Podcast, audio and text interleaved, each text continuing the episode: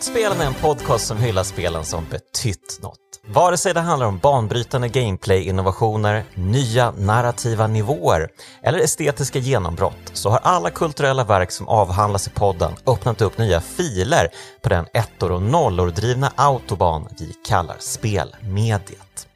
Jag heter Jonas Högberg och idag välkomnar jag tillbaka till podden Doru Apriotesei. Hej Doru! Hej Jonas, hej hej, tack så mycket. Du, jag måste säga, när du gör det där introt som du gör. Ja. Jag har alltid trott att det där är liksom en grej som du har burkat eh, och, och sen så använder om och om igen. För du får ju till det likadant varje gång. Det är verkligen mm. så här. Jag vet inte ifall man kan använda termen pixelprecision om någonting som är en röstinspelning.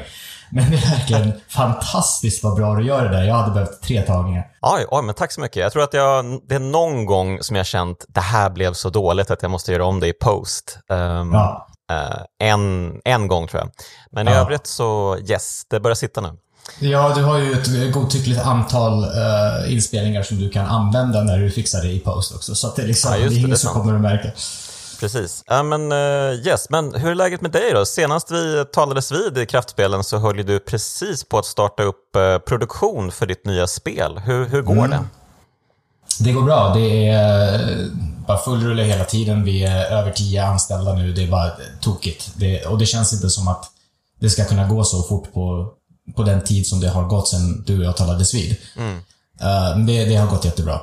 Um, och det är också så här, det nu rycker jag i fingrarna. Nu vill man jättegärna prata om vad man håller på med, men, men jag får inte. Inte i någon detalj i alla fall, men det går mm. superbra. Så med lite tur så kommer ni höra vad Right Size Games gör för spel, om inte det här året så nästa. Okej, spännande, spännande. Um, Okej, okay, du vill inte säga någonting, liksom storleken för projektet eller någonting, eller när det kan komma och så? Nej. Okay. Ja, alltså givet att uh, vi är över tio anställda och att vi kommer nog inte bli så många fler som jobbar på projektet så kanske folk kan extrapolera mm. lite ifrån den informationen. Um, mm.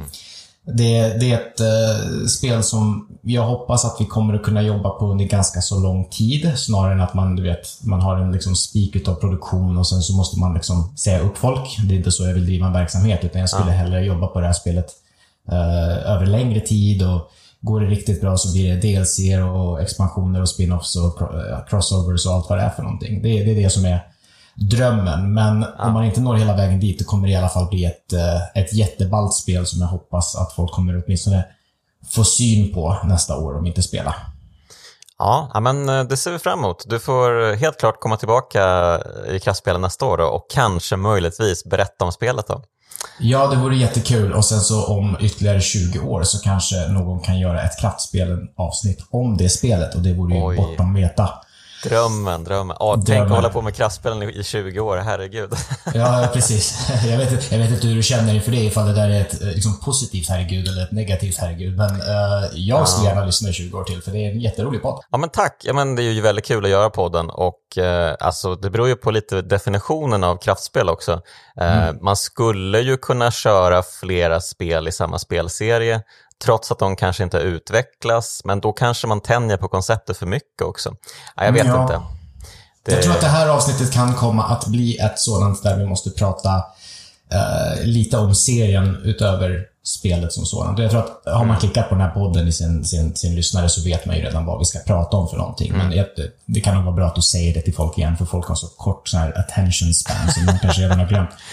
Vi ska prata om Megaman 2 allihopa. Ja, Mega Man 2. Och, och, varför blev det just Mega Man 2, Jonas? För, för det var ju mm. faktiskt du som bestämde. Ja, alltså vi kan ju börja med att du hörde av dig för några veckor sedan och mm. eh, du hade svårt att förstå varför det inte hade varit med i kraftspelen än, eh, Megaman överhuvudtaget. Och ja. eh, det kan jag ju bara hålla med om. Eh, så jag vill ge mig själv sparken här och nu. Eh, självklart ska vi prata Megaman. Eh, men precis, varför blev det Megaman 2? Jo, men alltså egentligen så är det ju så att eh, det var en annan gäst som hade paxat Megaman 2. Och eh, han, han, kanske jag ska spoila till en han, um, Ja, han fick ett halvår på sig kan vi säga att eh, komma till skott och eh, det blev aldrig av. Och eh, Så när du kom in här och tyckte ja, Megaman, Megaman, Megaman eh, så blev det ju en självklarhet att sparka honom och ta in dig. Just det, precis så där lät jag förresten. Ja. ja. Men, eh, och sen, ja, alltså Mega Man 2, det är ju det bästa Mega Man-spelet. Ja, eh, men det kan vara bra att man ska säga, gör lite så här housekeeping. För att eh, det, det är det bästa Mega man spelet men Mega Man är ju, och, och har framförallt varit, en sån här jättefranchise. Mm. Och jag tror att om, om det är någonting man ska säga om Mega Man 2, så är det ju att det hade inte blivit en jättefranchise om inte för just Mega Man 2. Det är än idag deras bäst säljande Megaman-spel mm. uh, i hela franchisen och då i synnerhet då i, i, i originalspelserien. Liksom. Mm. Um, och, och, det var just eftersom det var, uh, ja, uh, det var en sån jättehit som det överhuvudtaget blev en, en franchise. Och jag vet inte att det något annat spel i originalserien dit man kan räkna, jag vet inte, Mega Man 1 till och med nio, jag vet inte hur man räknar. Men här, och, och, de här 8-bitsaktiga Megaman-spelen i alla fall. De här mm. NES Megaman-spelen. Inget, inget annat i serien kom riktigt lika nära. Jag tror att uh, Megaman 2 sålde typ en och en halv miljon. Mm, mm. Och Megaman 3 sålde typ en. Så det har till och med kommit in en spin-off däremellan. Jag tror att det är någon så här, uh, ja, Game Boy Advance eller DS-spel som faktiskt har sålt mer än Megaman 3 har. Så, så på många sätt och vis, såväl som liksom för hela franchisen som, som, som för originalserien, så är det ju Mega Man 2 som är den stora hitten. Och, tror jag, uh, många spelares första Mega Man-spel. Mm. Uh, inte så konstigt då, givet att det är det som har sålt mest. Så att, uh, det, är ju, det är ju faktiskt ett naturligt ställe att börja på för att hade det hade det bara blivit Mega Man 1 att förhålla sig till, då hade ju inte Capcom gett grönt ljus till någon jättefranchise. För att det var ju nästan så att de inte ens gav grönt ljus till tvåan, för att mm. så bra sålde inte Mega Man 1. Nej, men precis. Som jag har förstått det så tog ju liksom utvecklarna själva saken i egna händer och bara, nej men vi vill göra Mega Man 2. Eh, vi gör det lite i hemlighet. Eh, så att de, the top brass, liksom typ inte kände till spelet förrän en bit in i utvecklingen. Ja, och, och, när de väl hade kommit så långt så fick de ju grönt ljus, men, men inte utan strings. Liksom. Det var mm. typ både att så ja men ni får fortsätta jobba det här både på er fritid och ifall ni har någon överkapacitet när ni jobbar på de andra projekten som ni då egentligen ska jobba på. och, och, och, och, och så, så får ni ändå en ganska så hård deadline att hålla bara för att ni kan. typ. Mm. Uh, så att det var ju inte världens roligaste förutsättningar för att jobba på spelet. Så då, då är det ju extra ballt att det blev så bra som det blev. Mm. Uh, ja. Men vi kan väl börja med att slå fast vad Megaman-serien är för någonting. Det är ju ett knippe plattformsspel där man väljer bana själv bland åtta tillgängliga och sen belönas med särskilda bossvapen när man spöat de så kallade robotmästarna som väntar i slutet på varje bana. Ja, och det där med åtta, det är ju också en ny grej för tvåan, för att i ettan mm. var det ju bara sex stycken. Just det, precis. Ja, men, alltså, ettan slog ju fast egentligen ganska mycket av vad serien handlar om, men just det där är ju en liten diff, precis. De bestämde sig för att vara lite mer generösa sen eh, med ytterligare två eh, banor och bossar. Mm. Um, och, eh, men det som är speciellt finns ju den här liksom sten, sax, påse-mekaniken då, um, att uh, alla de här vapnen som man förvärvar från bossarna kan ju sedan användas mot andra bossar. Um, mm. Ett vapen funkar jättebra mot en specifik boss, men om man försöker använda det mot kanske någon annan boss, då kanske det är ett uruselt vapen. Um, så det finns ju en uh, mekanik som är ganska spännande att utforska och upptäcka. Uh, man så fort man påbörjar ett Megaman-spel man inte spelat förut eller man inte minns um, så är det ju alltid liksom oh shit, nu, nu, valde jag fel väg här, nu valde jag helt fel uh, boss att börja med liksom och sådär.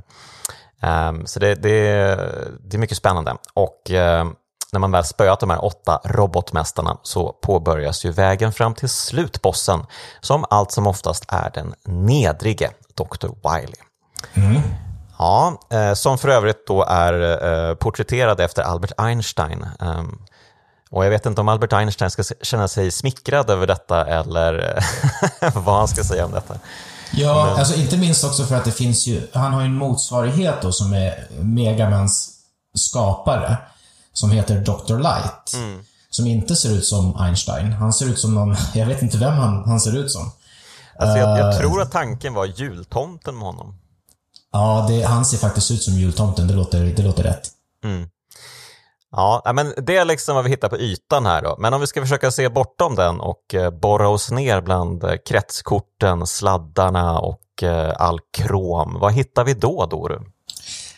Det jag tycker är ganska viktigt, och det är en reflektion som jag inte har hört någon annanstans ifrån, det är att den här Megaman-formen som du så fint precis beskrev, mm skulle kunna ses som en slags prototyp för open world-spel.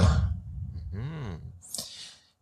Um, alltså, open world har jag diskuterat ganska mycket i en annan podd med Viktor Sjöström som vi båda är bekanta med. Och Jag vill inte prata allt för mycket om Open World igen för att jag blev ganska mätt. Det var nästan två timmar lång diskussion. Men um, det som är väldigt viktigt här är att Megaman och då formen då, inte något enskilt spel. Men vi säger den här skolans Megaman-spel som vi pratar om och även Megaman X-franchisen som har just det här med bossar som man kan ta i vilken ordning man vill. Mm. Um, som du var inne på då, att det är ju ett, liksom, ett blind choice. För en ny spelare så går du in och så blir du presenterad med en bunt olika bossar. Liksom, rent konceptuellt så är ju inte det en jättestor skillnad gentemot att ha typ en sån här nav-värld och sen så kan du gå i en godtycklig riktning och sen så får du se hur bra det går för dig. Mm. Och många utav de utmaningar som man också förknippar med design och utveckling av open world-spel de känner man igen här också. Det här med att spela liksom, ja, all, alla val riskerar att presenteras som lika giltiga. Och, och i Megaman så är det ju explicit så. Liksom, att det finns inte ens en, en hint om vilken man ska ta först. Mm. Inte minst för att man börjar ju med Megamans standardvapen. Som inte nödvändigtvis är särskilt bra mot någon boss. Mm. Så på något sätt så blir det nästan som en inverterad svårighetsgrad. Liksom, att den första du tar dig an kommer alltid vara den svåraste. Så det är massa, massa lustiga grejer där. Liksom, och man måste ju förhålla sig till det i sammanhanget och, och liksom, ja, man måste förstå det givet vilken era spelet utvecklades i. Alltså det här med trial and error, att man testar någonting och sen så skiter det sig och så börjar man om från noll. Det var ju mycket mer vanligt och accepterat på den tiden. Och det, ifall man läser intervjuer med utvecklarna så säger de ju ganska explicit att Nej, men det var tänkt att man skulle spela det här spelet massa gånger och typ lösa det nästan som ett pussel. Mm. Uh, men det är ändå ganska intressant att liksom, uh, ja, så många av de här uh, de här problemen då som finns ifall man ska göra ett open world-spel i någon sån prototypisk version återfinns redan här. Liksom, vilken ordning ska jag göra saker och ting i? Hur skalar vi upp svårighetsgrad i en situation där det finns mm. åtta vägar som alla är tillgängliga från början? Mm. För att en annan grej som, du var inne på det här med att efter man har besegrat de här robotmästarna så mm. börjar ju liksom den här vägen mot slutmålet och man ska besegra den här Dr. Wiley. Mm. Och det blir nästan, ifall man ska visualisera det, så går man ju från liksom det här med att man kan gå i åtta olika riktningar. Så blir det nästan som en liten så korv där allting kollapsar till en och samma väg. Och när det väl sker så blir ju spelet mycket mer linjärt då. Mm. För då har ju du alla förmågor och då vet ju utvecklarna också vilka utmaningar du redan måste ha klarat av för att komma så långt. Just det. Så då kan ju de höja, de kan höja svårighetsgraden och, och, upprepa utmaningar som de vet att du redan har klarat, men på en högre nivå än tidigare. Liksom. Mm. Så det är en intressant speldesignmässig grej som sker. Att nu, nu blir det liksom, nu blir det uh, eldprov, eller vad man ska säga. Liksom, vi tar mm. alla saker som du redan har gjort i någon utsträckning och sen så liksom drar vi upp dem till 11. Och nu jäklar blir det klimax och epilog. Så det är väldigt intressant rent spelstrukturmässigt. Och ifall man zoomar ut och kisar lite grann så finns det många mycket mer moderna open world-spel som i någon mån utnyttjar precis den här strukturen. Ibland flera gånger efter varandra. Att du börjar med en ganska så öppen grej och sen så blir det väldigt linjärt ett tag tills du har klarat en viss boss och tagit dig igenom en viss liksom, låst dörr. Och sen så öppnar det upp igen och sen så upprepar de formen hela vägen fram till slutbossen. Så mm. det i sig gör ju Megaman uh, till, till en jätteintressant fallstudie. Uh, oberoende just liksom, tvåans kvaliteter. Ja, men alltså, jag, jag minns det som att det här var ganska... Jag hade inte sett något liknande när jag spelade Megaman. Uh, det gjorde jag i och för sig tidigt 90-tal, men uh, det var ändå så här, oj vilken märklig upplägg för ett spel, det här att man mm. bara kan välja banan själv. Um, det fanns ju säkert, alltså allting är ju uppfunnet uh, tidigare och i något mindre format och mindre uppmärksammat, så att, själva idén och utförandet har ju säkert existerat tidigare, men måste ju ändå varit med Megaman som det här liksom blev en grej, tror jag. Mm. Men vi kanske ska hoppa in i Megaman 2 på allvar. Alltså, jag har ju spelat om spelat den här veckan. Um, du har också spelat om? Oh ja, två gånger. Två gånger? Ja, det finns ju, för oss västerlänningar så finns det ju två svårighetsgrader. Det hade de inte i mm. Japan. Då hade de ju bara den svåra versionen. Så att jag var tvungen att testa båda. Alright, hur var den svåra? Uh, inte så mycket svårare. Alltså, de medger ju själva, utvecklarna, i en intervju, tror jag, att uh, de hann inte slipa så mycket på spelet som de hade velat. Och jag tror att svårighetsgraden var en sån grej de inte riktigt hann slipa på. För att jag, jag tror att det är någon så väldigt eh, ytlig implementation där man typ så här, ja, uh, Megaman gör dubbelt så mycket skada och tar hälften så mycket. Typ. En så här väldigt simplistisk grej, vilket, ja, det, det, blir ganska platt liksom. Det är inte som i en del av de mer moderna där till och med liksom vet, eh, plattformsutmaningarna görs lättare på de lättare svårighetsgraderna. Ah, Utan de är precis lika svåra här. Och, och liksom, så det är bara så här skadejustering, vilket man kan göra på en helg. Mm. Um, så att eh, så mycket svårare var den inte. Uh, men jag tror att ifall det hade börjat med den svårighetsgraden kunde det ha varit lite mer frustrerande. Men nu hade jag ju liksom snitsen inne och visste vilka vapen jag skulle använda på alla robotmästare igen. Mm. Så då, då var det ju lättare att ta sig an den svåra svårighetsgraden. Alltså jag minns inte ens att, att eh, tvåan hade liksom valet att välja svårighetsgrad. Um, när jag tänker tillbaka på Megaman-spelen så tänker jag på dem som typ Dark Souls-upplevelser. Ja, som att uh, alltså, du, du får en svårighetsgrad och uh, det är upp till dig att bemästra det här. Uh, mm. Så jag, kände, jag kände faktiskt lite så här, när jag såg normal och difficult dyka upp på titelskärmen så kände jag mig lite snuvad på konfekten faktiskt. Ja. Har ni inte fixat det här själva? Ska jag gå in och välja nu? Usch, värdelöst. Ja, och det var ju en, en eftergift som man gjorde för oss uh, västerlänningar. Jag vet inte mm. hur vi ska ta det, men uh, mm. sen, så, sen så är det ju en psykologisk grej där också. Ifall valet snarare hade varit normal kontra easy, mm. så hade det kanske känts annorlunda. Jag vet Precis, det är sant. Men hade det varit så, då hade jag ju definitivt valt uh, normal. Nu ja. velade jag ganska länge om jag skulle, ah, jag minns ju, jag minns ju Megaman-spelen som ganska svåra. Jag kanske ska köra på normen ändå då. Mm. um, och uh, det var ju buslätt, uh, måste jag säga. Yeah. Um, uh, trots att jag är urgammal vid det här laget och tappat mycket av mina Twitch-reflexer så var det ju inga större problem att klara Megaman 2. förutom en passage som var brutal för mig. Um, men det kommer vi till när vi går igenom olika banor. Jag, jag, jag är jättenyfiken på vilken ordning du körde bossarna i. Försökte du köra efter minne eller försökte du liksom gå in så blint som du bara kunde och härleda dig till någon sorts ordning genom att titta på deras namn? Hur gick det mm. till? Ja, det är ju svårt alltså. Precis, jag hade ju, eh, som jag varit inne på flera gånger i den här podden, så har jag ju ett extremt dåligt minne. Ehm, så att jag, jag mindes ju inte alls ordningen för ehm, robotmästarna, trots att jag har spelat det här spelet extremt mycket. Eh, så nu var det kanske fem, sex år sedan jag spelade Mega Man 2 och eh, nej, det, det, är helt borta. Och eh, så då var det bara att titta på dem och tänka, hmm, vem ser lätt ut av de här? jag kom fram till att Bubbleman såg lätt ut, så jag började med honom. Um, och han var väl ganska lätt också. det finns ju absolut svårare bossar, men Um, men sen, alltså helt omöjligt sen att lista ut vem, vem som passar med Bubblemans vapen av alla de här typerna.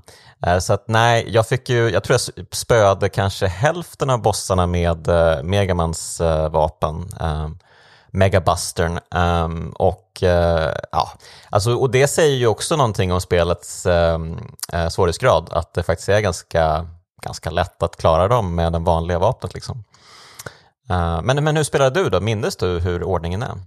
Jag mindes uh, hur jag började, men det, det där är ju rätt intressant också för att jag vet inte att det finns någon given ordning. För att, eh, som sagt, någonstans måste du börja med Megabustern. Så när du väl har en viss boss vapen, mm. så eh, det är väl först då man kan säga att det finns en korrekt ordning.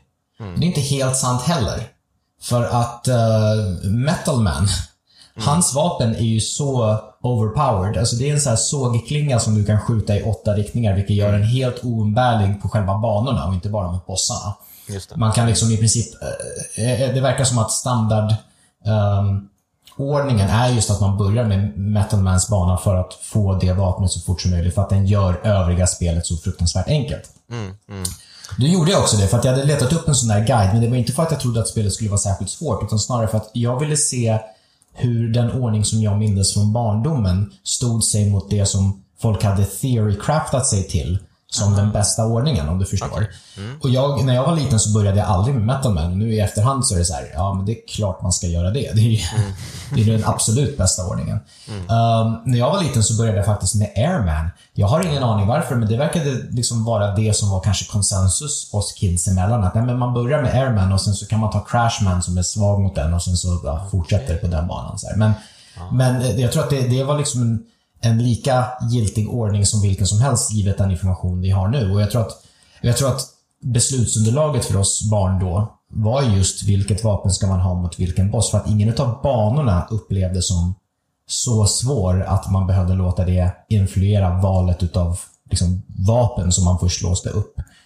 Mm. Um, så att, ja, men det, det, det, precis så är det ju. Eh, alltså banorna, det är ju i så fall plattformsutmaningar på banorna. Mm. Det är ju mm. liksom inte vapen, alltså så här fiender man behöver besegra med speciella vapen eller sånt. Utan Nej. Eh, det är i så fall plattformsutmaningar som kan vara svåra. Eh, och, och, och, med det sagt då, så där finns det ju faktiskt uh, något att säga för att skaffa ett av de här itemsen. Så en, en mm. ny grej i Mega Man 2 som inte var i Mega Man 1, det är ju att man låser upp de här lite mer så här support-itemsen som bara heter 1, 2 och 3. Och som mm. tror jag i och med Mega Man 3 skulle uh, skötas av den här robothunden Rush. Då.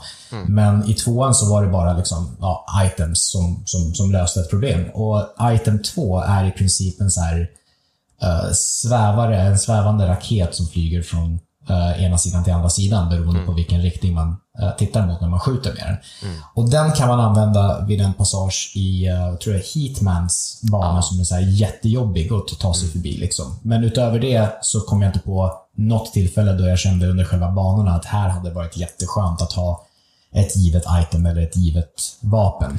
Nej, men precis. Det är väl att det dyker upp några uh, tillfällen när man kan nå typ en, ett extra liv eller en, en e-tank, tror, jag att man kan använda de här 1, 2, 3 grejerna. Um, men, nej, men precis, uh, den här Heatman-grejen, uh, det är de här klassiska plattformarna som kommer och går. Och så är det ett speciellt mönster, så det är en kub och så hoppar man från en kub till en annan kub och så måste man hoppa exakt rätt eh, tid för att nå den kuben när den liksom eh, dyker upp. Ja. Eh, och sen måste man hoppa ifrån den ganska snabbt för den försvinner sen. Uh, och så finns ett mönster som man måste lära sig och det här mönstret är ganska knepigt eftersom ibland så är det en kub precis ovanför kuben man står på och så måste man hoppa i exakt rätt ögonblick för att uh, komma upp på kuben precis när den dyker upp så man inte stöter in i kuben. Ja. Um, och ja, Det här kan ju vara lite av en mardröm, speciellt när man ser att uh, marken försvinner under ens fötter och att ja. uh, en säker död väntar ifall man missar sitt hopp. Ja, det, det, känns ganska cheap ibland och det är inte det enda tillfället då det känns som att uh, spelmekaniken i Mega Man och uh, level-designen i Mega Man inte riktigt är bästa kompisar. Alltså det känns ibland som att man man gör någonting svårt genom att utnyttja eh, spelmekanikernas tillkortakommanden. Alltså jag kan inte föreställa mig en Super Mario-bana där man gör den typen av dumheter. Nintendo skulle liksom aldrig göra så. Mm. Att det där, det där är ju inte alls nice. Det finns ju vissa hopp där det är så här, det här löser du bara ifall du hoppar på bildrutan rätt. Mm. Liksom. Ifall du inte mm. hoppar i absolut sista stund, då kommer du slå i taket och sen så är du bara död. Ja, ja. Och, och det är bara så här, ja, jag förstår inte varför de någonsin tyckte att det var en bra idé, men jag tror att återigen, det var i en kontext där högre svårighetsgrad och lite så här orättvisa utmaningar, det var liksom, det var så norm. Det är bara så här grej man gör och man, man, man räknar med att liksom spelarna mer, att de uppskattar det snarare än blir förbannade. För att var, var, varje bana är ju ändå så kort och du har inte investerat så himla mycket. Det, det är liksom mm. ingenting som sker en timme in i spelet utan att du ens har fått spara. Utan det är så här, ja, i mitten av en ganska kort bana. Liksom. Ja, men, på den tiden så fick man ju lösenord då, så att man kunde ja. skriva in det och det, det var ju lite halvmäckigt att behöva pyssla med det varje gång man fick game over. Men det var i alla fall ett sätt att försäkra sig om att man inte behövde börja från början utan man mm. kunde liksom fortsätta på sitt spel. Um, och eh, det behövdes ju definitivt tror jag, um, när jag var liten i alla fall. Um, och uh, jag hade nog eh, behövt det nu också om det inte vore för att jag spelade på eh, eh, den här samlingen Megaman-spel nu då, som gjorde att mm. man kan spara. Ehm, ehm, men alltså, det finns ju en bana som är helt fruktansvärd tycker jag, som vi måste ta upp här. Mm. och det är Quickmans bana.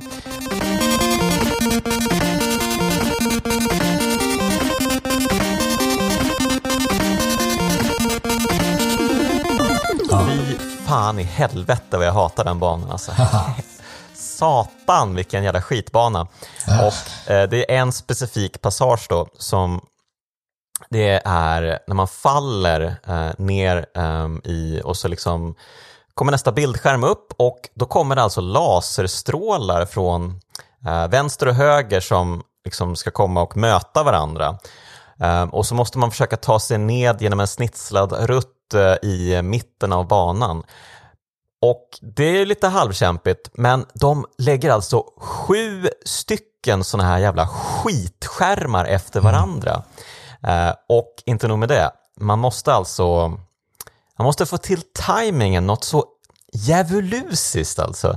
Eh, specifikt, jag hade specifikt problem med en skärm där man, man ramlar ner på en plattform och så måste man ta sig till vänster om den och måste hoppa ner från den. Eller man ska, man ska inte hoppa utan man ska bara gå framåt så man faller ner från den och sen byta riktning i mitt i hoppet så man åker åt andra hållet.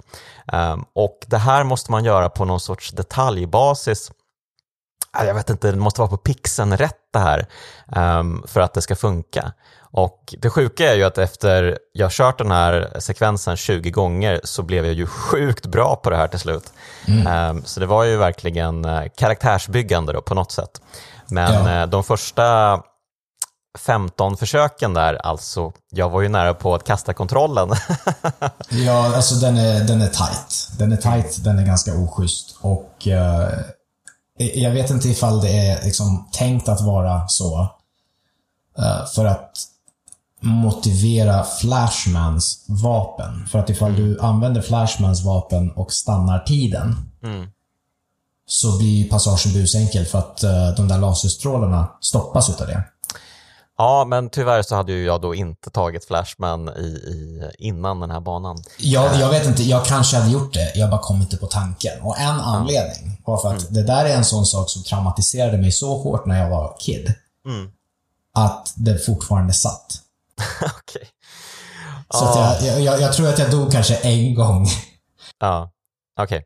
Ja, men eh, det, alltså, vilken dröm det hade varit att köra Flashmans vapen på ja, den sekvensen. bara knata igenom liksom. Men, men det där är ju så intressant liksom, för att så här, de, de, de hade ju den här inställningen som de själva förklarade att så här, vi, vi vill att folk ska förhålla sig till det här nästa som ett pussel, man ska spela det om och om igen och uppleva nya saker. Men det, det där är ju knepigt att få till. Mm. För att dels, återigen, att det är de här blinda valen.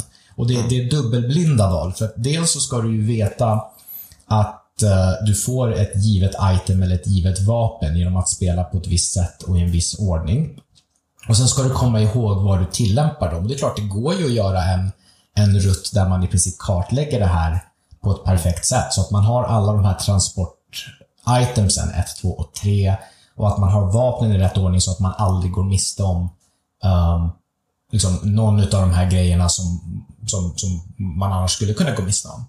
Mm. Men är det värt? För det är liksom, vi snackar ju inte om så här coola achievements eller grejer som man kan göra för att låsa upp nya rutter eller något sånt där.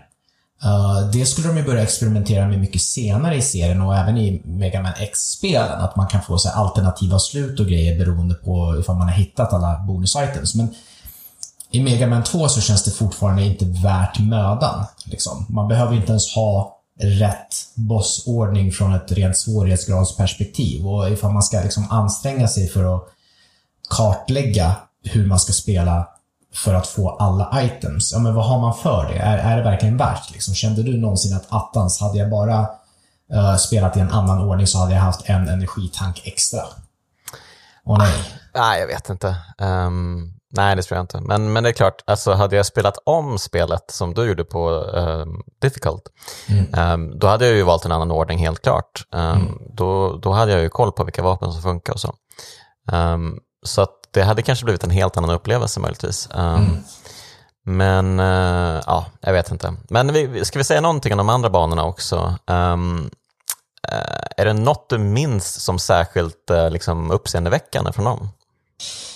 Alltså, jag, jag, känner att en grej är ju att de är mycket mer um, mycket mer balanserade sinsemellan än vad de var i Mega Man 1. I Mega Man 1 var de verkligen uh, jätteobalanserade uh, när det kommer till såväl svårighetsgrad som typ längd och, och, allt möjligt. I Mega Man 2 så är de mycket bättre i det avseendet. Så att jag känner inte att det fanns någon sån riktig svårighetsgradsspik där. Mm. Um, jag tycker att uh, Mega Man 2 i ännu större utsträckning än Mega Man 1, för att här var Mega Man 1 också ganska bra. Men Mega Man 2 är ju typ känt som det Mega Man-spel, det, det, klassiska Mega Man-spel som har typ bäst soundtrack. Och mm. det, det, det i sig kan vara skäl nog att prata om typ alla de här banorna, för alla de här banorna har jättebra musik. Bubblemans bana är jättebra. Mm. Uh, Woodmans bana är jättebra. Ja, den här Wiley-banan, uh, helt spektakulär. Mm. Um, mm. Alla banorna har väldigt stark identitet. Jag är mm. inte helt hundra på att det finns någon enskild bana som jag känner att det är den här som jag tycker är liksom klart roligast att spela. Särskilt inte flera gånger efter varandra. Mm. Uh, men ja, Airman har en särskild plats i mitt hjärta som sagt för att det var så ofta där jag började. Mm. Och inser jag nu i efterhand, det är en bana som är ofantligt mycket lättare om man inte börjar med den. Om du, om du, om du är där och har med dig den där metal bladen från Metalmans bana. Ah då är många av de här annars ganska oschyssta utmaningarna när det kommer fiender från så konstiga vinklar och allt vad det är för någonting. Det är så otroligt mycket lättare. Men eftersom jag var så dumdristig som barn och fick för mig att nej, men det är så här man faktiskt ska spela. Uh, så tror jag att det är den jag har spelat flest gånger för att jag också har dött flest gånger. Så att den kommer alltid liksom sticka ut. Um, men, um, men uh, Nej, det, är svårt att välja ut fler liksom, faddisar, men du kanske har någon? Ja, men jag, jag håller ju med om att Airmans bana är jättehärlig. Det, det är någonting med eh, Megaman-seriens eh, luftbanor alltså.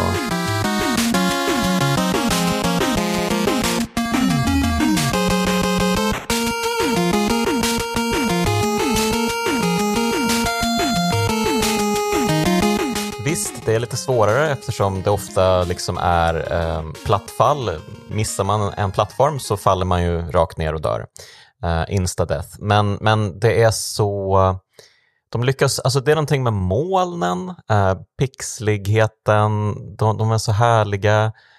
Um, det känns så luftigt och lätt och underbart och, och soligt och härligt uppe på de här luftbanorna. Mm. Um, och eh, alltså designen på de här molnherrarna med djävulshornen som kommer ja. och går liksom upp och ner. De är jätterolig och så kommer det liksom mindre molnherrar ut ur de stora molnherrarna som typ eh, getingar och försöker göra livet surt för Megaman. Eh, så det är ju det är jätteroliga fiender på den här banan. Även den här mm. blixtherren på den här molnplattformen som agerar som en sorts lakitu som man kan skjuta och sedan använda hans plattform. För ja, det, det är ju han som är så ofantligt mycket lättare om man råkar ha Metal Blade. Annars är han, ja, usch. och sen alla de här fåglarna också som släpper ja. ägg och så blir det ett gäng småfåglar som jagar en. Mm. Uh, det är jätteroliga fiender på just uh, Airmans bana tycker jag. Ja, uh. en av de roligaste är de här tjockisarna som står på plattformarna och blåser bort den. Mm. Um, så stora blåa tjocka, de ser nästan lite ut som, som megamän som ätit lite för mycket julmat. Och så står de där på en plattform och så blåser bort den med jättestora fläktar som de har inopererade i magen. Just det. Um, Just de är jättesöta, men det finns så en ganska så intressant, uh, tycker jag, så här, ett, ett, intressant designbeslut där i och med att de, de knuffar bort den från skärmen och det, oftare än inte så märkte jag att så här, jag, jag rörde mig ganska fort fram. Jag lyckades få en sån här gubbe att spåna. Han blåser bort mig till den tröskel där han försvinner. Mm. Och sen så är han inte där längre. Så att han spånar bort sig själv genom att blåsa tillbaka Megaman så att han liksom försvinner från skärmen. Så att så här, när jag spelade om det de här senaste gångerna så tror jag inte jag, jag, jag fick slåss mot någon av dem för att det, han, han tog livet av sig själv på det där bisarra sättet. Liksom. Han, han, han blev besegrad av eh, NES-teknikens begränsningar. Ja, men det där är ju kul att man kan eh, kisa spelet på olika sätt. Um, ja. det, är ju ett, det är ju en stor del av nöjet med gamla spel tycker jag. Att, mm. uh, att kunna upptäcka begränsningarna i källkoden och sådär och bara kunna utnyttja det för sin egen fördel. Um, men det är många banor som känns ganska rättframma. Liksom. Man, springer på, man springer på, man skjuter fiender, uh, man kommer till bossen. Um, så det är mest liksom olika fiendedesigner som kanske kan vara kul, som på uh, Crashmans bana, de här hoppjärkorna som drar upp sig själva. tyckte jag var väldigt roligt till exempel. Just det. Uh, um, och uh, alltså jag, jag, måste ändå slå ett slag för att eh, det är väldigt kul att använda megabusten också. Mm. Um, för att i Megaman 4 är det va? Eller är det trean? Jag blir lite osäker nu. Men man får ju möjligheten att ladda upp megabusten i uh, något spel. Ja. Jag tror det är fyran. Um, och där tycker jag att um, Megaman tappar lite um, jag tycker det är mycket, mycket roligare att bara peppra med vapnet um, än att känna att oj, nu måste jag liksom hålla in knappen, släppa den mitt i ett hopp för att få till uh, den där superskottet på den där jobbiga fienden. Um, och uh, visst, de fienderna blir ju såklart hårdare på difficult, men det var så himla harmoniskt och skönt att kunna, um, att det var sånt bra flöde på, på normen ändå här. Uh, även om det kanske kändes lite lätt samtidigt, men det var så skönt att kunna, man kom in i ett flöde genom att bara peppra med megabasten och uh, döda fienderna relativt snabbt och uh, bara framåt, framåt, framåt hela tiden. Det finns ju faktiskt ett vapen som fortfarande har den här uppladdningseffekten och det är ju Heatmans mm. vapen. Just det. Mm. Så den har ju den effekten och det, jag tyckte att liksom det var rätt coolt att den hade en sån identitet. Alltså att ladda upp Hitmans vapen är ju typ den enda bra grejen med Alltså det, det är bara då den är värd att använda, för att det tar ganska så lång tid att göra och särskilt när du spelar på den normala svårighetsgraden mm. så, så är det ofta inte värt. Du kommer liksom ha ihjäl de flesta fiender med den vanliga puffran eller något annat vapen innan du ens har hunnit bli uppladdad. Men jag gillade det där med att liksom koppla det till en särskild uh, bosspuffra. Mm. Um, och, och, att göra som, som senare då, att man, man gör det till en feature för själva megabusten, jag tror att det, det börjar ju påverka de andra vapnens identitet. Liksom. Mm. Det, det, det ger dig en uh, parameter färre att uh, lägga på bossvapen. Uh, så megabusten blir liksom lite, lite för stark när, när den kan laddas upp på det sättet. Den blir lite för tacksam, inte minst för att själva projektilen blir större också. Så att det blir lättare att liksom träffa fienderna också. Så jag, jag, vet inte att jag tyckte att det var ett jättebra idé att förlägga den funktionen till standardvapnet i framtida spel. Så mm. jag håller med. Jag tycker att det var, ja, Megabusten är välbalanserad i Mega Man 2. Mm.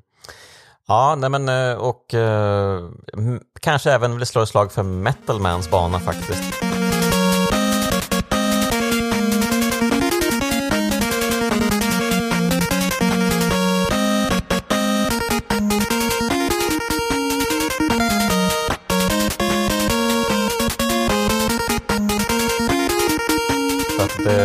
Ganska mycket roliga grejer här. Löpande band som går i olika riktningar så att man måste liksom um, förhålla sin egen liksom, um, takt framåt uh, utefter banden. Um, de här borrarna som kommer upp ur marken och taket uh, och de här spikfällorna som dundrar ner också.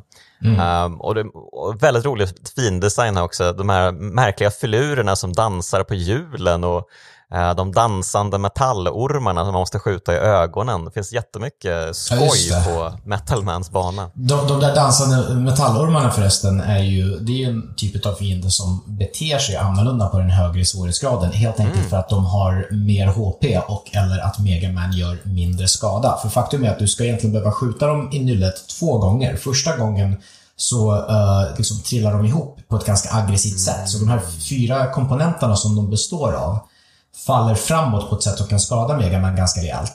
Mm. Uh, och sen så bygger de upp sig själva igen och så måste du skjuta dem i ansiktet en andra gång. Men jag tror att uh, på den lägre svårighetsgraden så kommer du över tröskeln där de dör redan på första skottet. Ah, så då, okay. då, då, sker aldrig det. Och det var lite så förvånande. Och, och, jag tror att det är en olyckshändelse som sagt. För att jag, jag tror att de ja, lite snabbt ha, hackade ihop den här skillnaden i svårighetsgrad. Men eh, som en konsekvens då så fick de till någonting som jag tycker är jättekul och ofta underutnyttjat i spel, nämligen det här att du gör mekanisk skillnad på svårighetsgraderna, inte bara så här, numerär skillnad på svårighetsgraderna. Det är inte mm. bara att uh, någon tål fler smällar, utan att de rent av har andra beteenden. Sånt älskar jag.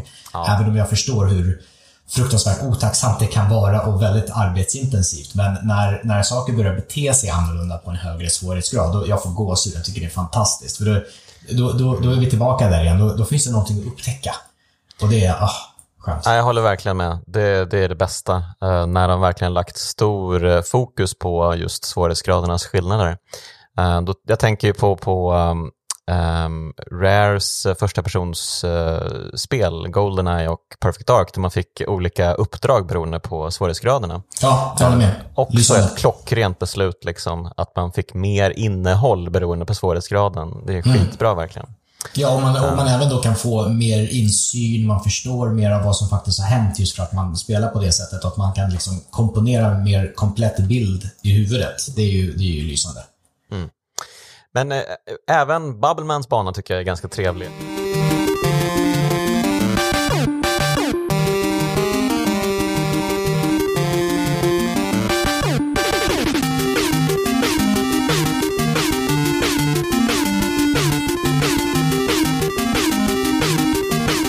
Just det här med um, vattenutnyttjandet, att det blir en mm. helt annan gravitation i, i vattnet. Um, mm. Och eh, man hoppar mycket högre, man måste akta sig för de här instadeath-spikarna i taket. Um, en ganska härlig hoppmekanik som de också liksom har utnyttjat med liksom nästan labyrintisk bandesign där man kommer in i så smala gångar och måste hoppa liksom exakt rätt upp för att inte hoppa i taket men för att hoppa liksom vidare till nästa plattform. Ja. Eh, så, och varför ska man inte hoppa i taket Jonas? Eh, ja, då dör man. Precis, för att de har ju de här jobbiga så här, landmin-liknande sakerna. Så de har de här spikgrejerna som de har hängt i taket, vilket är ganska djävulskt och inte återfinns mm. på några andra banor. Förutom att de börjar återkomma på Wiley-banorna, tror jag. Mm. Uh, men på, på någon annan bossbana så återfinns inte det. Och det är också så här, jag gillar sånt. Det är lite kul så att eh, eh, i andra sammanhang så vill du hålla inne hoppknappen så länge det bara går. Men här så vill du släppa den efter ett tag, för annars kommer det gå riktigt illa. Precis. Um, annars, jag vet inte, liksom Woodmans bana, det är ju massa djur.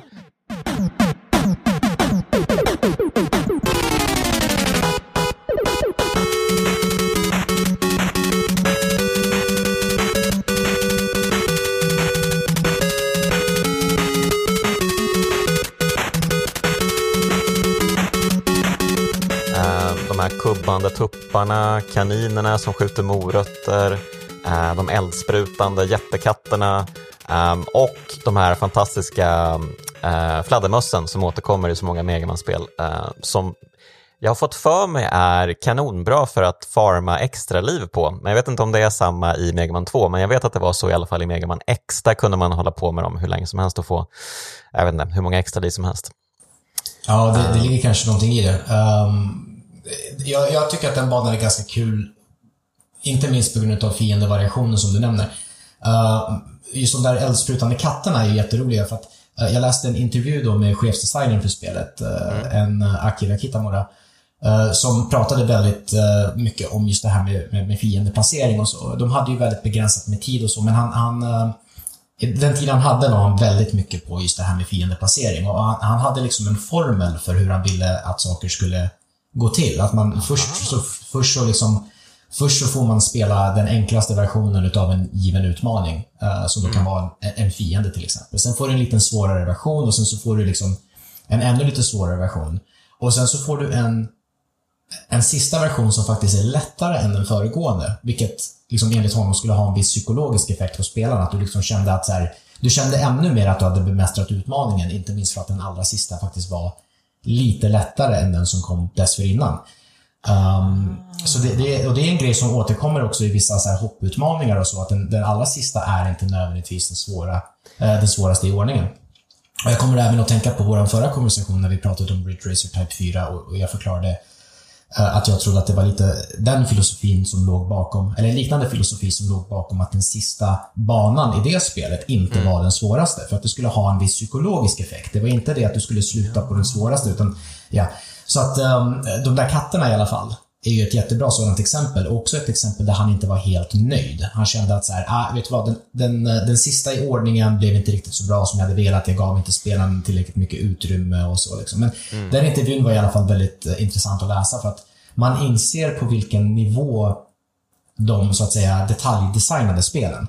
Mm. Uh, många spel idag, eh, andra genrer förvisso, men även liksom, den här typen av plattformsspel, där kan fiendedesignen ofta vara, eller fiendeplaceringen ofta vara närmast godtycklig jämfört med ja. här. Men här var det verkligen så här, millimeterprecision. Liksom. Jag placerar den här katten här och sen så går den här eldbågen på det här sättet och så precis här så ska spelaren stå och hoppa hopprep med den här eldgrejen och skjuta honom i nyllet. Liksom.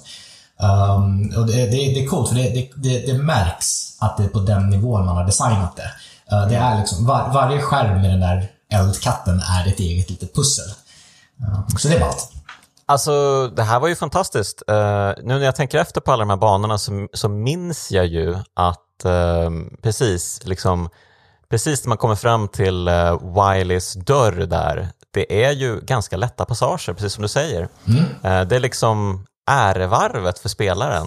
Ja. Um, nu ska du bara njuta, för nu, nu får du en lång, lång sträcka här som är ganska lätt och uh, sen tar vi bossen, okej? Okay? Uh, ja, just, just, nu, bra jobbat liksom. Lite så, och, och ifall du går fram och tillbaka och spånar och uh, despånar fiender så kan du forma lite extra hälsa och så på ett sätt som mm. lite lättare än vad det var i, i, i Mega Man 1. I Mega Man 1 om något så var det ju en annan filosofi och då var ju också Kitamura inblandad men jag tror att han, han kanske hade tänkt om sen dess. För att det sista, det sista som hände innan uh, bossbanan, eller själva bossfighten i Mega Man 1 var ju ofta en ganska så liksom, jobbig bullet sponge till fiende som kunde göra ganska så mycket skada. Så det var en annan filosofi då. Och nu är det mer som du säger att nu varvar vi ner innan vi rampar upp igen. Så att de hade en bättre känsla för dynamik och de förstod att man kanske inte ska vrida upp reglaget till 11 hela tiden och bara hålla det där.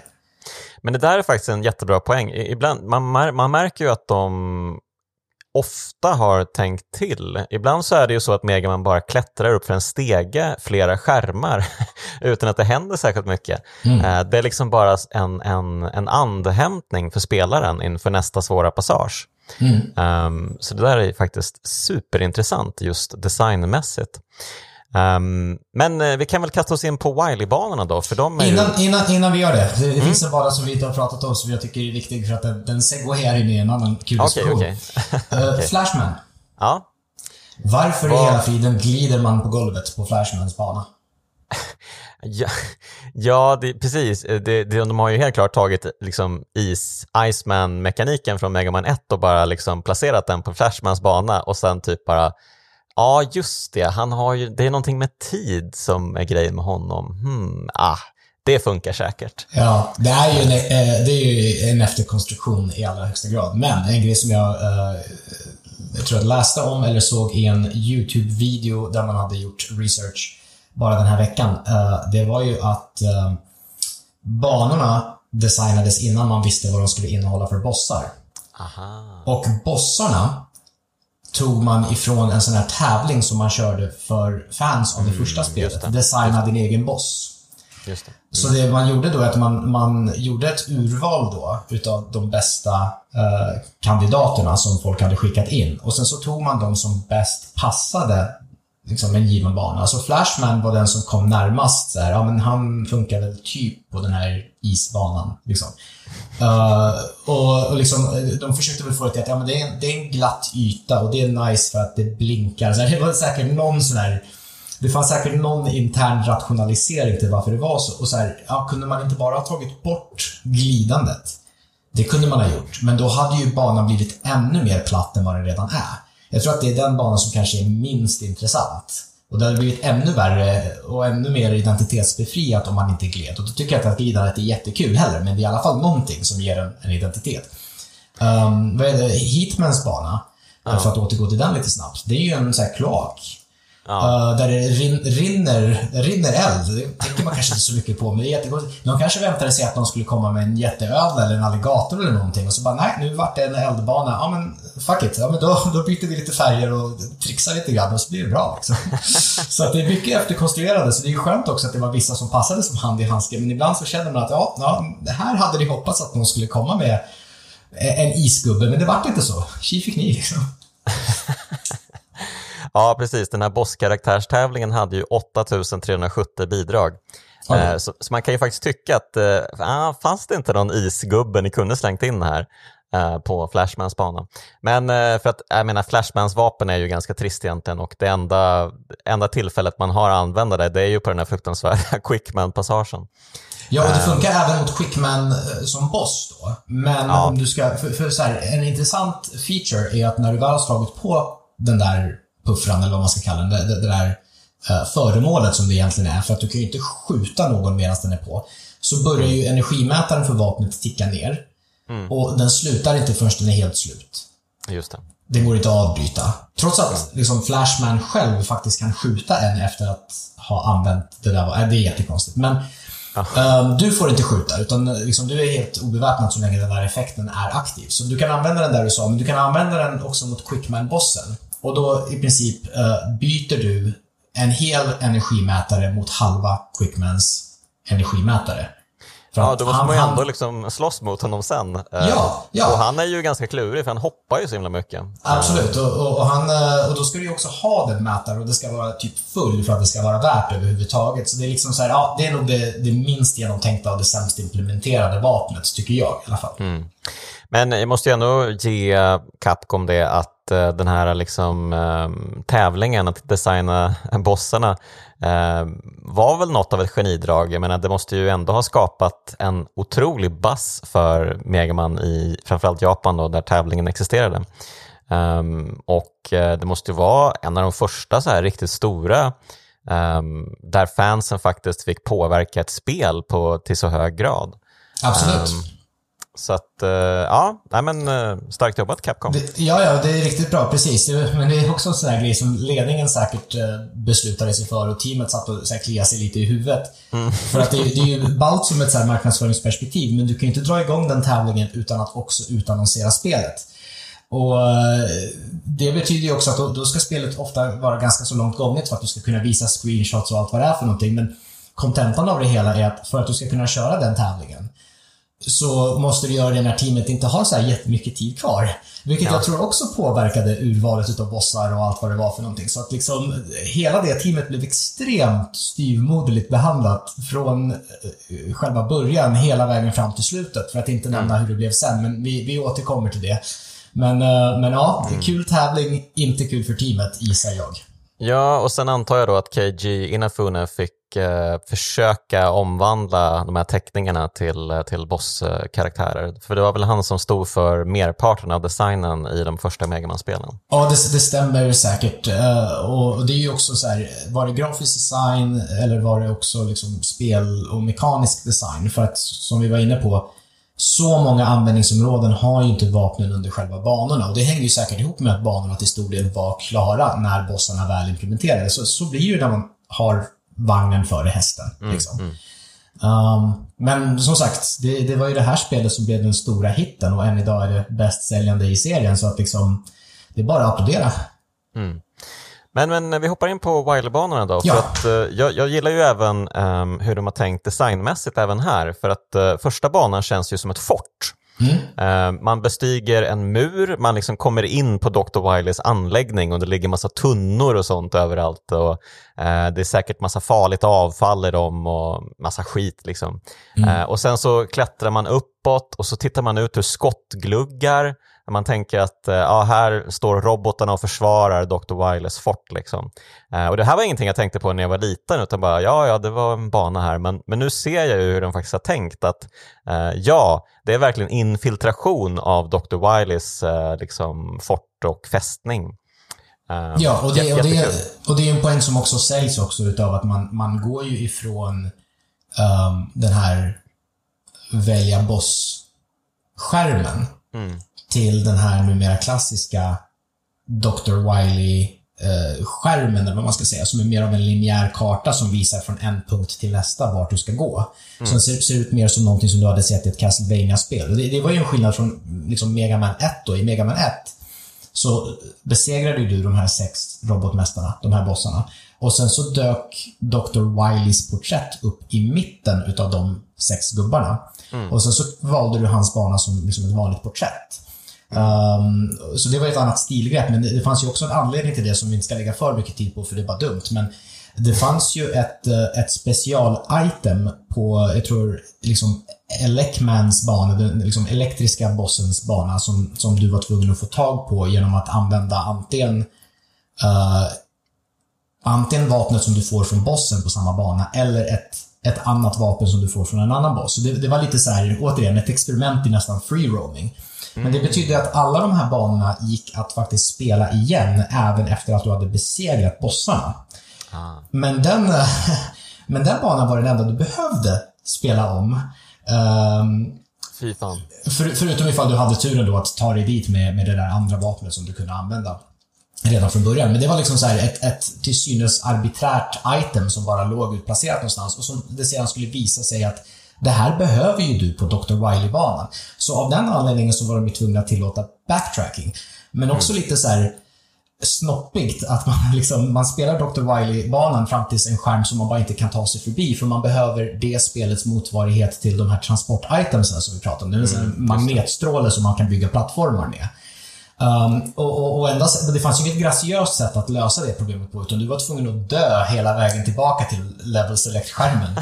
liksom det är jättedåligt. Så att här har man ju valt ett helt annat grepp och då är det så här, det, då får det inte finnas någon anledning att backtracka heller, utan man stänger den dörren permanent bakom spelaren och säger att nu går du in i Dr. Wily-banorna. Det är ett mm. eget linjärt flöde och då förutsätter vi och ser till att du har allt du behöver för att ta dig vidare. Det är lite så här Zelda-speldesign egentligen. Liksom, du blir inte mm. insläppt i ett rum som du inte kan ta dig ut ur igen, eller besegra med de prylar du redan har. Um, ja. Men det tyckte jag var en intressant uh, grej som också gav upphov till liksom att, dels att man valde att ändra det så rent spelstruktursmässigt, men uh, rent estetiskt och identitetsmässigt så är det också riktigt balt. Att du, ja. blir liksom, du får en liten så här mellansekvens där Dr. Wiley åker flygande tefat och flyger in i sitt jättestora skelettfort och sen så, nu jäklar är det allvar liksom. Nu har du inga val, nu går du i den ordning som vi har sagt åt dig. Eh, prepare motherfucker, nu kör vi.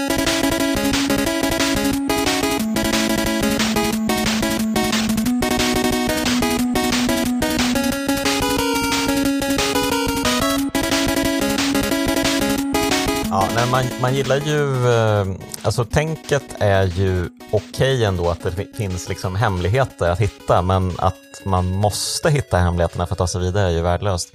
Eh, då, då skötte de ju det där mycket bättre i Megaman X där man kunde liksom hitta eh, Megaman X-rustningen eh, lager för lager. Um, och helt enkelt bli en mäktigare och mer liksom uthärdig um, spelare. Mm. Den, en, den enda liksom utrustningsdelen man behövde ha var ju liksom skorna och de fick man ju när man gick rakt framåt på, på den uh, Penguin-banan där. Just det. Mm. Um, och de andra var ju liksom optional ja. och var liksom lite klurigt utplacerade. Så det var ett bättre tänk där helt klart. Just. Eh, men, men alltså, när man kommer upp här på första Wiley-banan, eh, när man tagit sig upp för hela vägen upp, då kommer det ju faktiskt en ganska svår eh, passage precis innan bossen. Mm. och det är ju liksom en del av bossen också, så det är en väldigt häftig sektion när man hoppar mellan enstaka block och så är det liksom ja, men insta-death under, det är bara liksom mörker. Eh, och du måste hoppa i fart också för helt plötsligt dyker bossen upp, den här jättedraken, mm. eh, och jagar en eh, bakom en. Så att, och samtidigt måste man förhålla sig till skärmen scrollande också, så man får inte bara hoppa, hoppa, hoppa, utan måste avvakta lite med hoppen. Så man måste komma in i ett bra tempo här eh, för att sen ta sig fram till de här tre eh, blocken då, som man måste hoppa mellan för att skjuta på bossen. Ja, och det, det blir ju egentligen inte svårare rent mekaniskt av att den där draken dyker upp. Utan det är mer en psykologisk effekt att säga, ja det här var mm. nog så svårt, jag börjar komma in i lite av ett lunk och sen så, vad händer? Nu scrollar kameran i en annan hastighet för att framea om eh, vad som händer. Och hjälp, där är en jättedrake. Mm. Så bara den effekten att man nu blir jagad av en jättedrake, även ifall han egentligen inte gör det hela mekaniskt särskilt mycket svårare, men bara det faktum att han är där. Jag undrar hur många det är som liksom inte dog första gången det, det, det skedde, bara för att de tappade koncentrationen eftersom, hjälp, jättedrake. Ja, men det är lite halvklurigt också när man ska tajma eh, de här hoppen rätt och försöka undvika hans eldskott som ganska ofta kan knuffa ut eh, Megaman från de här blocken. De känns ganska så perfekt kalibrerade för att göra just det, förutom ifall du, är, liksom, du står precis rätt eller är typ i luften på ett sätt så att liksom, någon av ja. de här små plattformarna räddar dig. Mm. Ja, men jag blir alltid lite så skeptisk till skott som tvingar spelarkaraktären bakåt. Mm. Um, jag tycker att det är lite fuskigt nästan av speldesignen. Mm, det, det, det, är billigt, det är cheap. Mm. Ja, ja, men eh, lite halvklurigt. Och sen så kommer man in i um, fabriksdelen tror jag det är. Det är en massa hjul som snurrar, det är spikgolv och eh, det är en jättekonstig boss där eh, det är liksom två bitar som glider ihop och bildar en lätt fiende som man ska skjuta med några skott och sen så fortsätter det så här i absurdum. Eh, hela rummet, äh, inte riktigt hela rummet, men i princip hela rummet eh, går ihop i olika fiender och ska man slåss mot. Ja, att, att uh, komponenterna som utgör väggar och tak och golv uh, lossnar och bildar en robot som man måste skjuta ihjäl. Mm, mm. Ja, nej men den är kul. Och den läste jag också om att den var ju menad att vara ännu jobbigare. För att den är redan lite småknepig, särskilt om du inte Eh, eh, är vis nog att använda Metal Blade, för att Metal Blade är ju bäst i de flesta sammanhang. Det vet vi ju redan. Mm, mm, mm. Um, om, om du använder Metal Blade så kan du börja liksom skjuta uh, så fort den här gubben, den här fienden då spånar. Och ofta så har du ihjäl honom liksom, kort därefter. Um, men um, alla gör ju inte det, så jag tror att det är ganska många som har dött på den. Men den var menad att vara ännu svårare. För att uh, de här uh, golv kvadraterna då, de var ju mm. menade att försvinna helt och hållet och skapa hål. Oh. Och där var det faktiskt, ja, där var det ju inte, där var det faktiskt inte en speldesigner eller en producent eller en regissör eller ens en testare som sa stopp. Det var ju chefsprogrammeraren som bara, ah, lägg av nu. det, det, hörni, det är nog så svårt. Vi fick kritik att Mega Man 1 var för svårt och så nu ska vi ha en grej där liksom 80% utav det man kan stå på kommer försvinna under fightens gång. Med väldigt, väldigt kort varsel också. Mm. Och eh, Sen så kan du inte stå där längre. Liksom. Så då, då blev det så att du, du, du, kan stå där. Men, men Akira Kitamura har sagt att du kan ju spela spelet med så här, en, en husregel.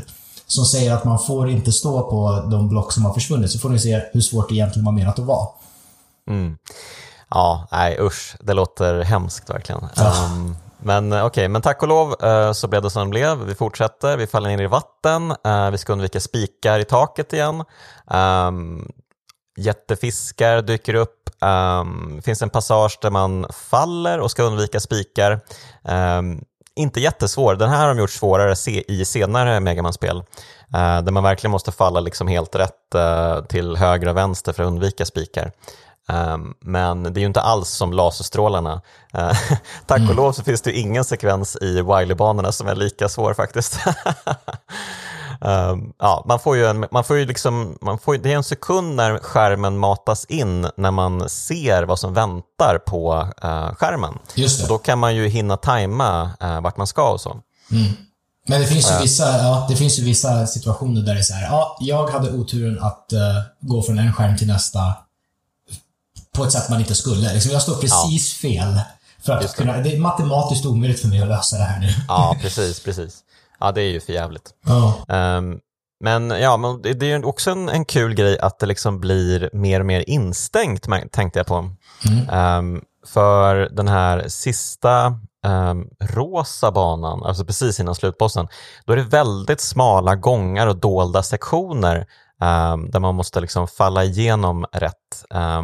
Och eh, i allra slutet då, innan slutslutbossen, så, så krymper ju banan hela tiden eh, fram till liksom bossdörren. Um, så det, var, det var en ganska kul eh, liksom designmässig eh, sätt att eh, ge en liksom, eh, lite klaustrofobi och nästan lite oj, nu, nu, är det, nu är det riktigt nära, nu är det riktigt nära slutet här. Men, men, men, vi pratar inte om uh, när man väl kommer fram till Wiley, vi pratar om den innan va? För att jag blandar ihop dem lite grann. Pratar vi ja, men det, med... det, är lite samma tänk på båda tycker jag. Mm, det, det, det, håller jag med om, men jag vill bara att vi inte skippar förbi den här bossen med laserkanonerna som är monterade på väggen. För det är verkligen så här, det är bakläxa för hela det utvecklingsteamet alltså. Mm, mm.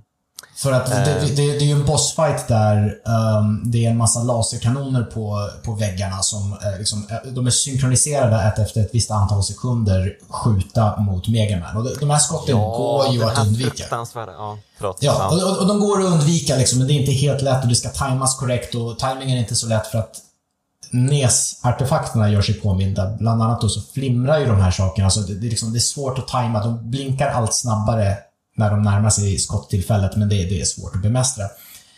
Och de tar bara stryk utav, uh, vad är det, Crashmans mm, uh, vapen. vapen. Ja. Yes. Men så, så finns det också ett hinder då att uh, de skyddas också utav såna här liksom förstörbara väggar som också de bara är känsliga mot Crashmans vapen. Ja. Så hela den fighten är ju egentligen liksom ett, ett slags elakt pussel för att du har inte, inte ens med full energitank för det vapnet så har du tillräckligt mycket, uh, tillräckligt många skott till förfogande för att såväl ha sönder de här skyddsväggarna som själva vapnet. Och det är jobbigt på flera än ett sätt. Dels så är det lite av en besvikelse för att det hade ju varit en fantastisk grej att justera med svårighetsgraden. Alltså hur många skott man har, kanske för varje vapen beroende Mm. på vilken svårighetsgrad man spelar på. Så då skulle man kunna göra det till en mycket roligare utmaning att så här, ha sönder skydden och sen så har du sönder själva kanonerna och sen så är det mycket mer rättframt. Och så kan man för all del göra det svårare på den högre svårighetsgraden, men som det är nu så är det så här, det är jättecheap för att du måste veta att det är det här du ska göra, för får du slut på, på skott så är det ju enda sättet att testa att, att, att dö. Så du måste liksom stå där och låta de här, de här eh, väggmonterade kanonerna ha ihjäl dig. Det finns inget du kan göra. Du kan ha alla energitankar i världen, alla andra vapen kan vara maxade, men nej, du misslyckades med pusslet. Eh, och för ett kort ögonblick så slutar det vara ett actionspel och blir ett pusselspel och du har gjort fel. Ja, jag håller med. Det där är ju spelets absolut sämsta ställe. Sämsta sektion, sämsta boss, sämsta allt. Eh, Det är bara värdelös design. Ehm, och eh, jag, hade ju, jag hade ju glömt eh, det här, eh, så att eh, givetvis gjorde jag fel från början. Så att eh, jag hade jag fick slut på, på Crashman-skott precis innan det sista ögat eh, som skjuter de här laserstrålarna. Så det var ju bara att göra om och göra rätt. Eh, och då ska jag istället använda sig av de här item-grejerna för att liksom kringgå vissa av de här liksom, väggarna, eller förstörbara väggarna. Och uh, ja, nej, en riktig pissboss. Fy fan. Ja, den är ingen rolig alls. Ja, nej men eh, jag, jag håller med. Alltså själva grundkonceptet är att, att hushålla med ammunitionen kan ju vara en kul grej, men, men det funkar inte här liksom. Nej. Eh, men eh, okej, men vi kommer, till, eh, vi kommer fram till Dr. Wily och eh, det klassikernas klassiker. Man möter alla åtta robotmästare igen ehm, på varandra. Ehm, så att eh, det gäller såklart att man har sparat eh, eh, ammunition till alla vapen eh, så att man enkelt kan avfärda dem och ta sig an eh, Wily Machine, Just det. som Ja, eh, den här precis. första bossen heter. Robotmästarna är ju... De är ju lite snällare den här gången, inte minst då för att man får lite energi av dem. Så alla de droppar en stor energitank när man besegrar dem. Så att har man tagit lite skada, antingen för att man inte hade nog med ammo eller att man kanske fortfarande inte har listat ut vilket vapen man ska använda, oavsett skäl så, så när man besegrar den så får man en stor energitank. Uh, det är nästan så att man inte får vara för snabb och för duktig. För till exempel på lätta svårighetsgraden mot Metalman. Om du använder hans eget vapen mot honom, så dör ju han på ett skott. Och gör du det när du står i den här teleporten som du kommer in, liksom, som, som tar dig in i rummet. Den aktiveras ju igen så fort bossen är död, vilket betyder Ja. att du kan skjuta honom, döda honom på en gång och bli teleporterad ut därifrån innan du har hunnit plocka upp hans energitank som han släpper. Och Ja, det, är sant för fler, ja, och det är sant för fler än en boss att liksom, de, de är så otroligt veka mot ett visst vapen så du skjuter en eller två gånger så bara, ah, där dog de. Eh, Du skulle ha rört på dig. Men, eh, men ja, det är, eh, liksom, i, i sammanhanget så är det ju mer... Det känns ju också mer som en sån här grej att så här, titta vad mäktig du har blivit. Mm. Än någonting annat. Ja, precis. Det är inte jättesvårt där. Ehm, och- men det kan vara lite klurigt med Wily Machine innan man listat ut vilket eh, vapen man ska använda i de olika instanserna på bossen här. Ehm, som jag minns det så är väl... Måste man ha Bubbleman? ammun- Nej, det kommer ju senare. Just det. det man måste ha... Ja, vad är det? Crashman eller Heatmans vapen? Som Ja, jag, alltså, jag bryr mig inte. Jag använder Metal Blade. Metal Blade är det bästa vapnet i hela spelet. Jag skiter. Ja, okej, okej. men, men du har säkert rätt. Du har, här, det är säkert tänkt att man ska använda något av dem du nämner. Men jag tänkte säga, kan jag skjuta diagonalt så kan jag skjuta diagonalt. Tar han Mm. Skada så tar han skada. Liksom. Jag, jag kommer inte ihåg exakt, men jag tror att i alla fall i första fasen så använder jag Metal Blade. Mm. sen så i andra fasen kanske jag använder någonting annat. Jag kommer inte exakt ihåg. Men precis, i andra fasen, om man, om man skjuter Crashmans vapen exakt på millimetern rätt så kan man ju faktiskt träffa så att eh, vapnet fastnar på Wiley-maskinens baksida. Eh, och när den sen, för det här är ett vapen som först liksom suger sig fast på en yta och några sekunder senare så exploderar vapnet. Eh, och när det sen exploderar, då dör Wiley Machine nästan omedelbart. Eh, så det är lite av en, en cheese-tips, men då måste man ju vara extremt duktig på att hitta den där liksom exakta vinkeln när man hoppar upp och skjuter iväg. Liksom. Mm. Um, men ja, inget, uh, ingen jättesvår boss det här, men det ska komma. Mm. Uh, för nu tar vi oss an den riktiga slutbossen um, och uh, då hamnar vi på den här banan då som blir mindre och mindre och mindre och mindre och mindre. Um, och det är massa syradroppar i taket. Det är en väldigt kort passage innan man kommer till, till bossen. Och ingen musik. Nej, just det. det. Ja, det är underbart att det är liksom helt tyst här. Ja, men det är ett grepp som används alldeles för sällan. Det är riktigt mm. ballt. Mm. Det enda man hör är det syradropparna när de liksom fälls till marken. Uh, och uh, ja, det, det bygger ju upp lite puls faktiskt. Ja, efter ett helt spel med pumpande soundtrack så finns det ju liksom, då är det verkligen the roaring sound of silence liksom. Mm, ja men supersmart. Och eh, sen blir det ju superfet bossmusik.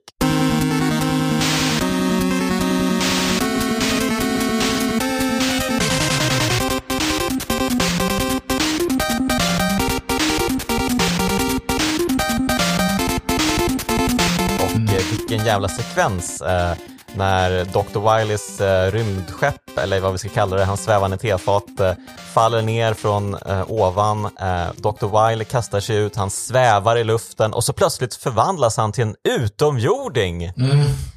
Det Ja, det är ju verkligen, eh, de har gått på svampar när de designar den här eh, bossmatchen, känns det som. Mm. Sen får du en förklaring det här också, som är ganska cool också.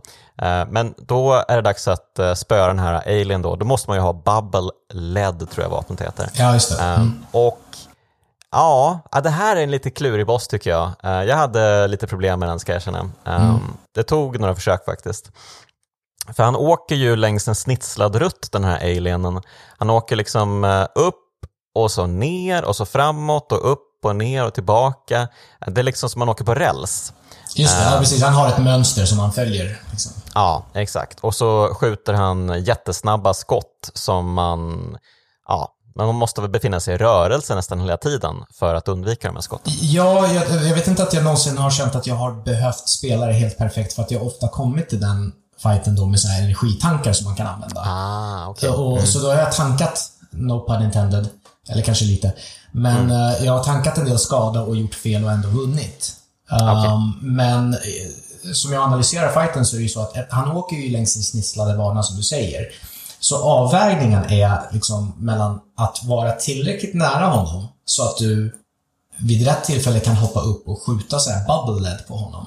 För att det är ju ett mm. vapen som inte har någon direkt räckvidd. Det, liksom, det spottar mm. ut och sen så rullar det som en kanonkula längs marken nästan. Mm. Um, så du har inte jättemycket val där. Du måste liksom vara väldigt nära och närmast nafsa honom i ansiktet när du skjuter den där saken. Men du får inte vara så nära att hans projektiler som han skjuter blir omöjliga att undvika. Så det blir en intressant eh, liksom, eh, dans där. Där du hela mm. tiden håller dig liksom, i rörelsen men på precis det avstånd som krävs för att ett, han ska missa dig och två, för att du ska kunna hoppa in sätta bubble led och sen röra dig bort ifrån honom igen innan han skjuter nästa gång. Um, det är ett ganska intrikat mönster som, som sagt, jag vet inte att jag ens är särskilt bra på det. För att, uh, som sagt, man kan tanka sig igenom det. Men. Men uh, det, det, är rätt ballt för att såklart går det ju att klara utan att ta en enda smäll. Det visar ju speedrunners varje dag att man kan. Um, mm. Men uh, ja, många försök blir det innan man ska bli så duktig tror jag. Ja, men precis. Det blev ju ett par försök för mig. Jag tror jag hade fått en game over tidigare um, och eh, bara börjat om um, utan e-tanks. Så att um, det var verkligen bara lära sig hans mönster, kötta på och uh, till slut sänka honom. Då. Mm. och då visade det sig att uh, det var ju bara en, en chimär, det var en show. Det var ju Dr. Wiley som kontrollerade en robot via fjärrkontroll. Ja, lite såhär Scooby-Doo-reveal liksom. Att det var... Verkligen. Ja.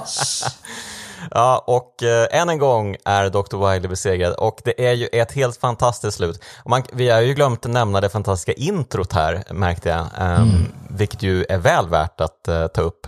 Det är väl det bästa introt och det bästa slutet i något Megaman-spel det här. Mm. Um, det här när man ser den här skyskrapan och uh, det liksom, man, man får det berättat för sig via text att uh, ja men nu är Dr. Wiley lös igen. Han är, han är, han är galen, han har massa robotar och eh, han hotar världen. Eh, vem kan stoppa det här? Och då susar kameran upp för skyskrapan.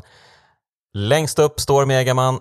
Eh, jag tror att han står utan hjälm och håret bara fladdrar i vinden och bang så kör musiken igång och Megaman 2 och man bara yeah! Fucking yeah! Oh, ja. Underbart! Ja, men att, och ställ det i proportion, eller i relation snarare till, till ettan som bara är så här, titelskärm, ingen musik, här har ni, Megaman heter spelet.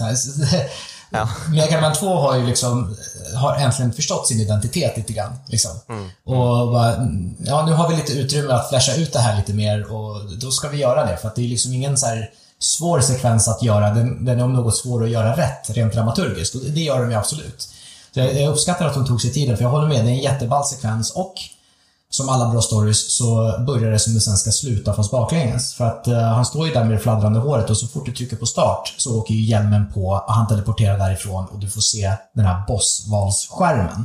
Mm, mm. Och sen när spelet väl är slut och vi ser liksom outro scenen och ser liksom Megaman promenerar jättelänge verkar det som för att liksom årstiderna växlar och allt vad det är för någonting uh, på bakgrunden och allt vad det är för någonting. Så sista skärmen är ju liksom man, man ser den här somriga, vackra, idylliska miljön. Megaman syns ingenstans. Dock är hans hjälm där. Så han har tagit av sig hjälmen igen. Så liksom, börjar med att han tar, på, han tar på sig hjälmen och sen så tar han av sig hjälmen igen och däremellan mm. så kickar han rätt mycket ass. Ja, men ja, precis. Det är ju, rent dramaturgiskt är det ju helt lysande eh, att just hjälmen representerar hans eh, äventyrande i spelen. Mm. Ehm, och när vi väl är klara med spelet, då är han klar med hjälmen också. Ja, det är lite dark egentligen. Alltså det är så här, det finns ju ganska många seriemördare som tar på sig en mask när de ska börja slakta folk. Så liksom det, ja. Ja. Men det är fint, eh, just alltså jättefin passage. Eh, det är löv, det är snöflingor, det är blomblad och sen så kommer ju regnet precis innan sommaren och man mm. bara, vänta nu här, varför blev det så här? Och sen bara, ja där är den, där är sommaren! Och eh, Megaman tittar upp på sommaren och bara, ja, äntligen. Mm. Och sen så ligger hjälmen kvar där. Ja, det är helt underbart. Ett av mina absoluta favoritslut, eh, alla kategorier. Och det är också tillräckligt, ja. givet vad spelet är i övrigt. Och du vet att du är ett fan av sånt. Liksom att så här, ibland så, ibland så eh, räcker det så. Liksom. Det, det, mm. Vi har inte spelat igenom spelversionen av Schindler's list. Liksom, utan det, är så här, det är ett actionspel det finns ett intro som är tillräckligt, det finns ett outro som är tillräckligt. Liksom, identifiera vad det är, gör exakt det så kommer det bli rörande. Det kommer bli kraftspel av det hela. Mm. Uh, du behöver inte ta ifrån tårna och låtsas att du har gjort ett Square Enix-verk. Liksom uh, ja, men uh, du är inne på det nu. Du kan väl ändå lika gärna försöka sammanfatta Mega Man 2 då. Vad är det som gör det till ett kraftspel? Jag skulle säga att kvaliteten um, jämfört med originalet, uh, och då givet den kontext som teamet hade. Att mm. De fick ju om något sämre förutsättningar att göra tvåan än att göra ettan, men jag tycker tvåan är ganska så mycket bättre. Mm. Um, det gav Megaman, Megaman-spelen och, och, hela franchisen sin identitet. Alltså det blev ju, Megaman blev en franchise tack vare tvåan. Mm. Um, så att eh, om, om, om, någon, om någon så tycker jag att liksom, listan på varför det inte skulle vara ett kraftspel är ofantligt kort. Liksom det, är, ja, det, det, är både bra, det är både betydelsefullt. Det, det finns... Uh, det finns en liten ledsam aspekt i och för sig. Och det är det mm att uh, Akira Kitamura, och jag undrar ifall det här inte är någonting som återspeglas i den där slutsekvensen. För att jag tror att uh, Akira Kitamura efter det här spelet slutade på Capcom. Och det är kanske inte är omöjligt att uh, eftersom de behandlades som de behandlades och eftersom ingen trodde tillräckligt på spelet så kanske han tog av sig hjälmen och gick vidare av den anledningen. För att det kan inte ha varit kul. Alltså, jag, du vet, japansk kultur är som den är och jag ska inte säga för mycket mm. för det är mycket hörsägen men jag tror inte det var någon i det där teamet som fick någon så här monsterbonus som förändrade deras liv efter att ha gjort en mm. sån grej. Att, att med vänsterhanden och på fritiden och med mycket möda i princip etablera en ny franchise som Trots att liksom, Mega Man 2 fortfarande är det bäst säljande Mega Man-spelet.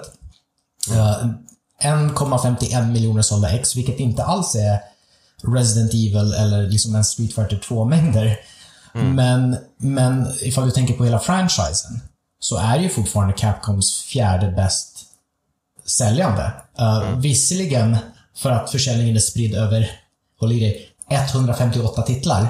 Åh oh, herregud. Men, men liksom att, att det ens fanns en möjlighet att ha den typen av maskot-karaktärer som du kan sprida över 158 titlar. Det, återigen, det kommer tillbaka till Mega Man 2. Mm. Um, och liksom, får man inte en rejäl klapp på axeln och ett rejält löfte om att det skulle bli bättre i framtiden, ja, då, då stannar inte jag kvar i den miljön heller. Um, så det är lite smådeppigt att ha, ha gjort ett sådant kraftspel och, och, och sen känna att nej, det, det får vara nog nu. Jag har inte ett tredje i mig. Liksom. Mm.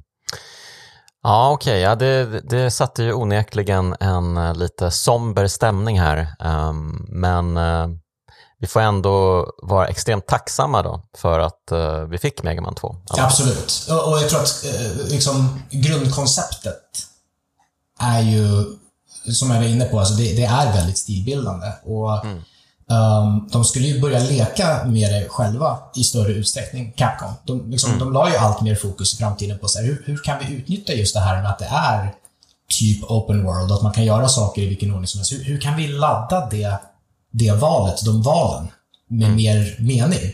Mm. Så de började ju peta in liksom allt fler konsekvenser av att man spelade spelet i en viss ordning. Och de experimenterade åt lite alla möjliga riktningar. För det var ju vissa Megaman-spel där de kände att men, okej, okay, ifall man ska ha tillgång till alla bossar på en gång, då ska de ju typ vara lika svåra också, för att annars blir det ju jättekonstigt.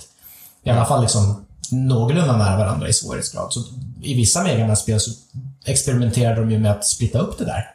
Så att du, först så, så, så besegrar du fyra bossar och sen så får du en andra kohort med fyra andra bossar.